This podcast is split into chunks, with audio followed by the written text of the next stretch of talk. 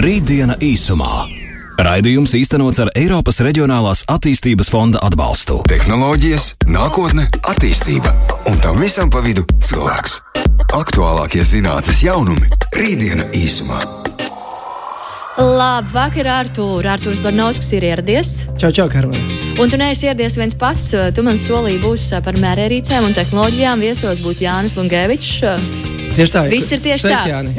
Sveiks, Jāni. Jā, šodien mēs runāsim par uh, mērierīcēm, bet uh, tu tikko minēji, ka būs terminoloģija izskaidrošana. Jā, jo tas nu, man pašu pārsteidz, ko jūs tikko runājāt. Es sapratu, to, ka es neko nesaprotu. Jā, Vairāk. jā, jā, jā, jo uh, tā, tās mērierīces vai vispār šī te, nu, es pateiktu, zinātne par meteoroloģiju, un tā ir meteoroloģija, nevis meteoroloģija. Bet, jā, varbūt pastāstīja nu, to definīciju, kas tad īsti ir meteoroloģija, un pastāstīja, varbūt nu, iepazīstināt klausītājus ar šo te terminu.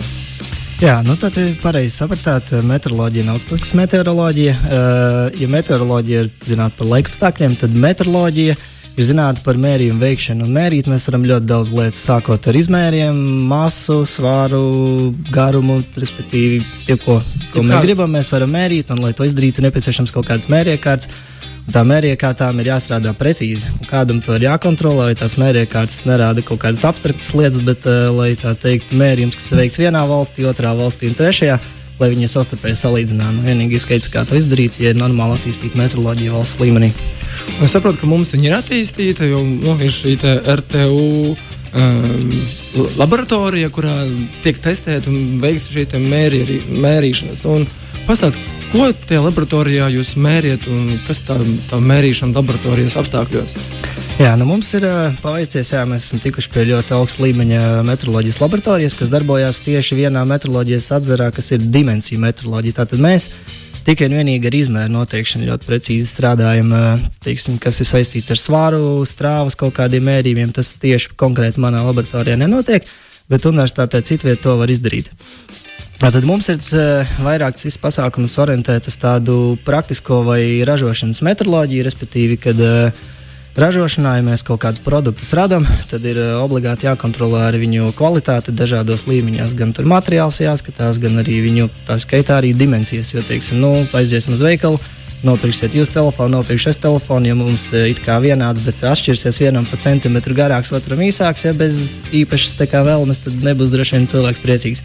Tad uh, mūsu tās uh, laboratorijas iespējas tieši orientētas uz šo ražošanas daļu, kad mēs teiksim, varam apmācīt gan studentus, gan ražotājus, kā teikt, teikt, masveidā ļoti kvalitatīvi kontrolēt geometrijas. Bet teiksim, bez mums ir uh, daudz augstāk stāvoša, augstāk stāvoša meteoroloģijas uh, teikt, struktūra valstī. Tas ir Nacionālais meteoroloģijas centrs, un viņiem ir nedaudz tāda nozīmīgāka funkcija, ka viņiem ir jāuztur nacionālajie etaloni. Teiksim, mums ir mēriekārtas laboratorijā, bet kā es varu droši sirdi zināt, ka tās mēriekārtas rāda pareizi? Man ir kaut kā jāsalīdzina ar kaut kādu etalonu. Un uh, ir tie saucamie darba etaloni, kas teiksim, stāv ražošanā, stāv pie mums. Tas ir teikt, klucītis vai lodīte kaut kāda ar ļoti precīziem izmēriem, kurai nevajadzētu mainīties laikā. Un tad mēs pirms kaut kāda atbildīga mērījuma veikšanas pārbaudām tīri tās konkrētās etalona detaļas izmēras, un, ja rāda to, ko jārāda, tad viss ir baigi jauki. Bet, nu, protams, būtu vēlams ik pēc laiciņa, droši vien nevēlāks, kā reizi gadā, kad kaut kāda cita, trešā institūcija, un šajā gadījumā tas būtu kaut kāds Nacionālais meteoroloģijas centrs, kas ierodās ar savu etalonu, kas ir valstiska līmeņa atzīts etalons, kuru pārbauda citu valstu tam līdzīgas laboratorijas. Tā teikt, visu laiku viņi rotē ar šiem etaloniem, visi uzpasē, ka visiem viss ir kārtībā. Un tad, salīdzinot ar šo nacionālo etalonu, mums teikt, ir uzlīmīta certifikāts, ka mēs kādu laiku drīkstam darboties un viss ir kārtībā. Tas nozīmē, ka jūs veicat mērījumus, jums ir uzraugošā iestāde, kas ir valsts līmenī, un arī viņi uzrauga kādas citas valstis. Bet kā notiek varbūt, šī te, nu, sadarbība, ka visi ir pārliecināti, ka šis te, nu, visu kopējais etalons ir pareizs? Nu, vai ir kāds uh, noteikts standarts, kur savas valsts, valsts savā starpā veids šos salīdzināšanas? Jā, nu tā meteoroloģijas piramīda vai hierarhija ir tāda, ka Parīzē ir pats pats galvenais meteoroloģijas centrs, un tur arī kādreiz bija fiziski kaut kāda etalona, vai tas bija metrs. Kā fizisks, teiksim, metāla gabals vai kilograms, kā attiecīgi kaut kāda materiāla masa. Tad, uh, tagad tas centrs joprojām ir tur, bet uh, lielākā daļa šo mērvienību definīcijas ir vairāk no fizikas atvasinātas, nevis teiksim, kā fizisks objekts, bet kā matemātisks uh, aprēķins. Un tas viss ir salīdzinoši nesen pēdējās tās modifikācijas saucamajā SI sistēmā veikta, kurā ir septiņas pamatmērvienības. Tas ir masa, kilograms, sekunde, mols un tā tālāk. Un no šīm septiņām mērvienībām 22 vēl citas atvasina, kas tur ir Newtoni un citas, teiksim, kas ir izmantotas. Tad, eh, respektīvi, Parīzē ir pats pats eh, galvenais epicentrs, un ja tur ir kaut kādas nu, absolūtas tur, eh, tiesas prāvas, kur tur ir, nezinu, nu, nu, tiešām tur dzīves un nāves jautājums, tad viss tas pasākums atdarsies tur. Bet tā hierarhija tālāk ir pakārtot, ka no Parīzes tālāk ir katrā valstī šis Nacionālais meteoroloģijas centrs. Tad var būt arī privātie kaut kādi meteoroloģijas centri, ja ir teiksim, kāds uzņēmējs, kas ir gana naudīgs, lai uzsāktu šo pasākumu. Un tad zem šiem te apakšā nāk līmenis zemāk, principā it kā ir universitātes, kas var bieži vien arī būt tomēr gandrīz vienā līmenī.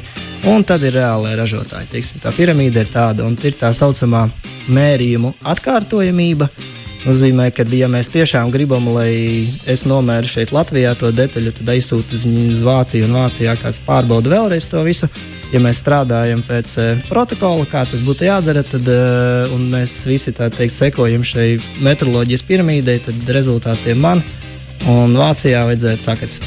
Ja mēs kaut ko ejam nobīdēs, vai kāda mēriekārta nav nokalibrēta, tad tur var sākties problēmas. Bet nobīdes jau pārsvarā tomēr ir, jo ir bieži vien tas minētā pieļaujamā kļūda. Kā nosakt šo pieļaujamo kļūdu, piemēram, tiem pašiem fotoradariem, ko mēs ikdienā esam saskārušies? Nu, viņi arī mēra šos ātrumus, bet tur ir šīs kļūdas. Kā var pārliecināties, ka tā kļūda ir objektīva? Katram mērķim ir sava procedūra, tā kā ļoti smalki atrakstīta, kā to dara. Es domāju, tur super sīki tagad nevar ieslīgt, jo tur būtu garš, garš saraksts ar lietām jāsauc, kas jādara. Bet, respektīvi, sekojot šai procedūrai, tad uh, principā veic lielu apjomu ar mērījumiem, savāc uh, lielu apjomu ar datiem, izvelk vidējās vērtības un tad rēķina tās saucamās novirzes no šīs vidējās vērtības. Nu, protams, jo vairāk atkārto šo mērījumu, jo lielāka iespēja, ka arī statistiski teikt, iegūst ticamākus datus. Un kurš nosaka to kļūdu, pieļaujamo kļūdu, cik ļu, liela kļūda drīkst būt tajā, tajā mērījumā, piemēram, svariem vai, vai Jā, tas ir. Eh, Mēriekārts iedala precizitātes klasēs. Teiksim, ja jūs tur uh, sverat tur kaut kādu lietu, kurai absolūti nav svarīgi, plus mīnus grams vai varbūt 10 grami, jums nevajag tur mm, super tur kalibrētu iekārtu, kas maksā milzīgu naudu. Jums tā kā jūsu situācija pietiek ar vienas klases mēru prātu. Cits stāsts, ka jūs tur laboratorijā, tur atomāri jau bez mazliet kaut ko sverat, nu, tas ir, tā ir cita līga. Tātad, teiksim, arī 0,0 klases tur mēra parāti ir visprecīzākie, un tad tur ir 1, 2, 3, 4. Teiksim, tur ir mēra lenta parastā, tur noteikti nebūs 0 kategorijas.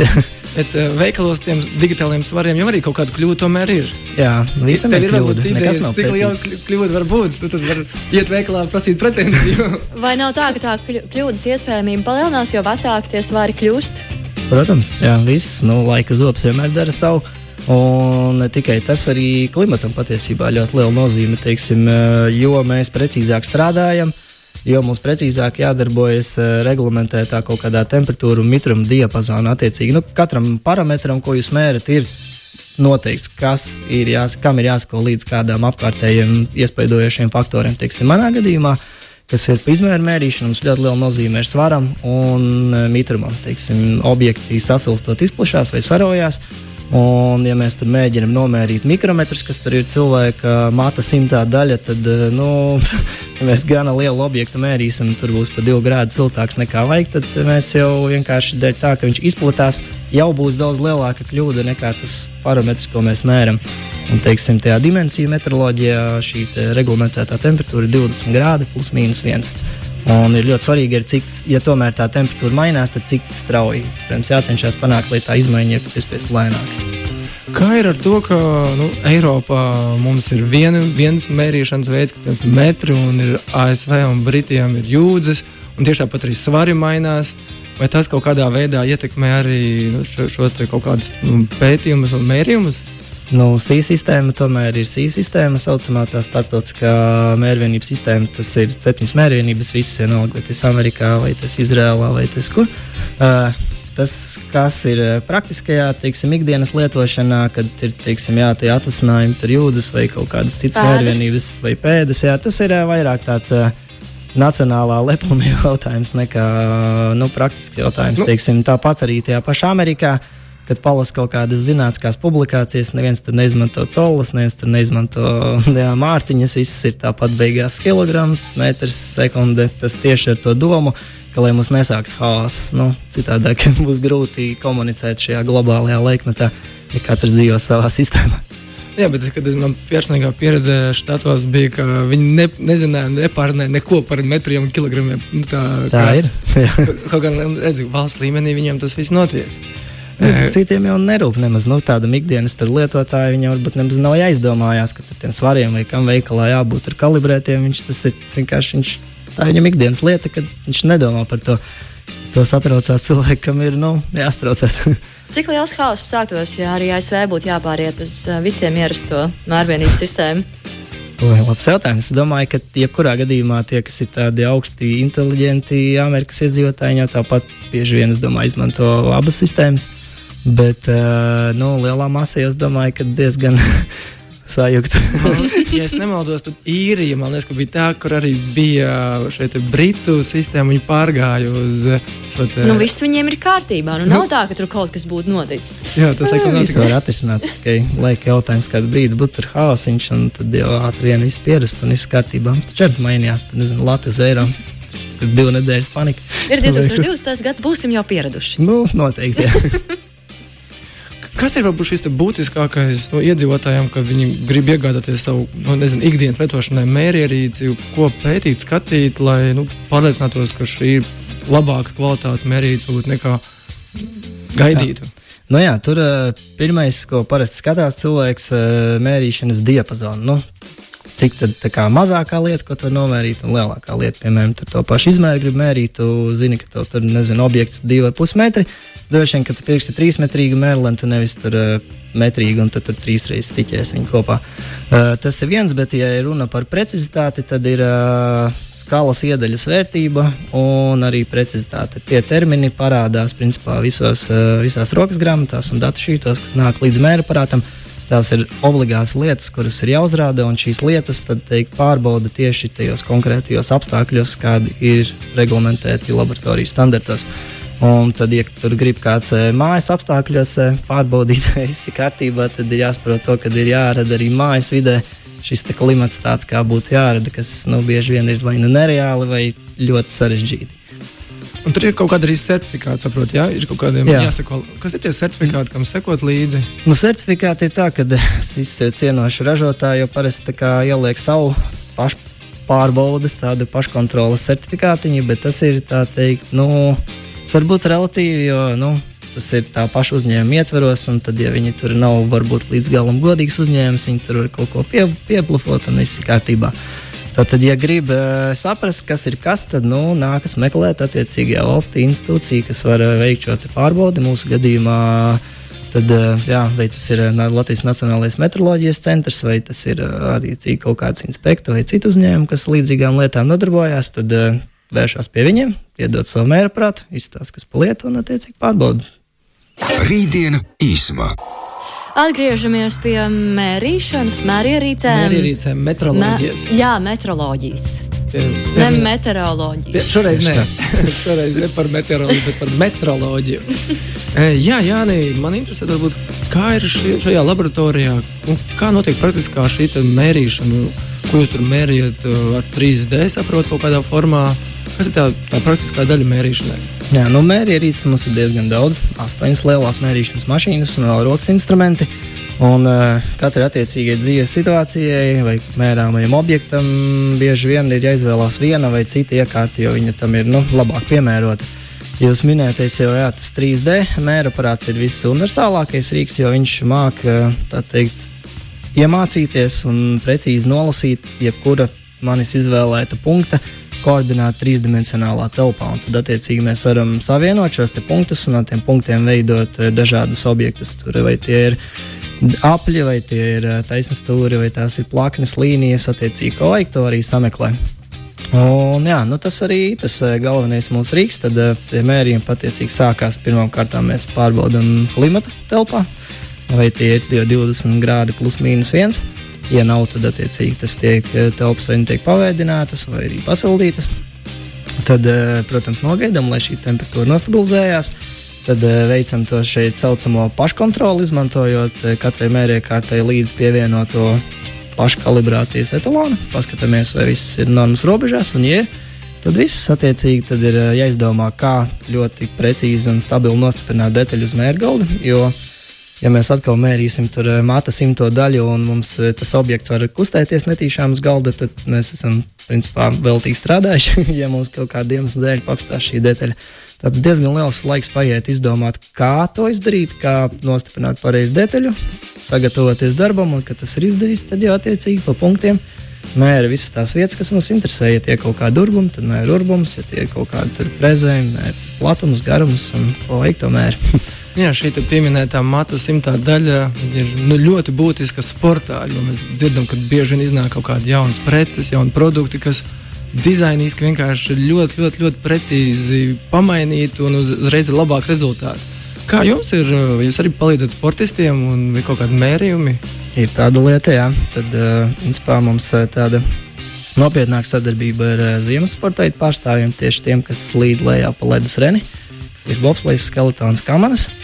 Un tas, ko mēs tieši šajā meteoroloģijas laboratorijā varam viņiem palīdzēt, mēs varam palīdzēt ievākt ļoti objektīvus datus par viņu teikt, braucam rīka, tas ir skeletons vai bobslēgs vai kamaras par viņu sliecēm. Un ne tikai tur ir daudz dažādas detaļas, un teiksim, ir ļoti būtiski, lai visas šīs kamaras būtu simetriskas. Un tad uh, viens ir, teiksim, kad mēs uztaisām pirms detaļu ražojam viņas rasējumu, un tas rasējums ir uz papīra, un tas viss ir ideāli realitātē nekas nav ideāli. Un tad, attiecīgi, lai pēc tam būtu droši, ka tas, kas bija uz papīra, mums ir sanācis arī dzīvē, tad to vajag pārbaudīt. Nu, tad mēs tad, attiecīgi, nākam tālāk un piedāvājam šo lietu pārbaudīt un darām to parasti bez atlīdzības, jo tas tāds tomēr patriotisks pienākums. Kā, kādas atsauksmes, kā, nu, rezultāts mēs zinām, dzirdam, ka rezultāti labi, bet kāds atsauksmes?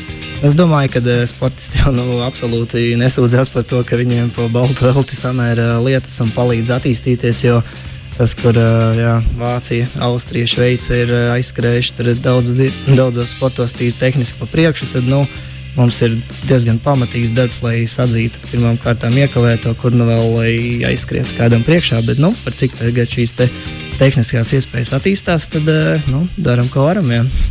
Šobrīd nu, mobilais tālrunis arī kļūst par, teiktu, par diezgan gudru komputeru, ko es varu izmantot ikdienā daudzām lietām. Tā skaitā arī mērīšanai. Un ir dažādas lietotnes, ko es pats esmu lejuplādējis, kur piemēram skaņu pārbauda, šo skaņu skaļumu, eh, leņķus un tā tālāk. Cik ir, es nezinu, tavs varbūt komentārs, cik viņš objektīvi ir šie, te, var, nu, šie mērījumi un varbūt tā iespējamā kļūda viņos. Es domāju, ka tādai ikdienas lietošanai aptuveni saprast kaut ko pilnīgi pietiekoši. Vienkārši ir eh, pašam jādomā līdzi, vai nu, pareizi izmanto šo prātu. Pieņemsim, respektīvi, ja runāja pa telefonu, telefonam ir māciņš uzlikts vai nav māciņš uzlikts. Teiksim, ja jūs to kaut kādu leņķi vai plaknes, tur eh, kaut kādu pozīciju skatāties, ja jums tur, teiksim, māciņš nav, kamera izbīdījums uz ārā, jūs uzliekat to telefonu galda, bet viņš jau nemaz nepieguļ tam galdam, viņš jau ir šķīps pats par sevi. Nu, tad vienkārši, ja piedomā pie tādiem sīkumiem un mēģina viņus izslēgt, tad eh, es domāju, ka ikdienas lietošanai absolūti gāna pietiek arī ar to pašu telefonu. Ko ir visgrūtāk izmērīt, varbūt arī ku, kurā sfērā, vai kas ir tas, ko nu, sarežģītāk vai vislielākie izaicinājumi tieši mērīšanā? Hmm. Nu, par izmēriem tur daudz maz jau viss ir plus mīnus ok, bet cik es, es neesmu gan super labs speciālists pilnīgi visās metroloģijas atceros. Bet esmu no kolēģiem no enerģētikas fakultātes dzirdējis, ka ar elektriskiem parametriem ir diezgan ik pa brīdim cimperlīgi. Tur tā kā jā, var, var tie rezultāti tur peldēt. Un, teiksim, ir arī nesaucot konkrēts uzņēmums, ko, bet ļoti liels uzņēmums Vācijā bija arī dzene, teiksim, realizēja projektu daļēji šeit, Tehniskajā universitātē, un tad, teiksim, viņi mērīja jaudu pēc tam patērēt to savā rūpnīcā.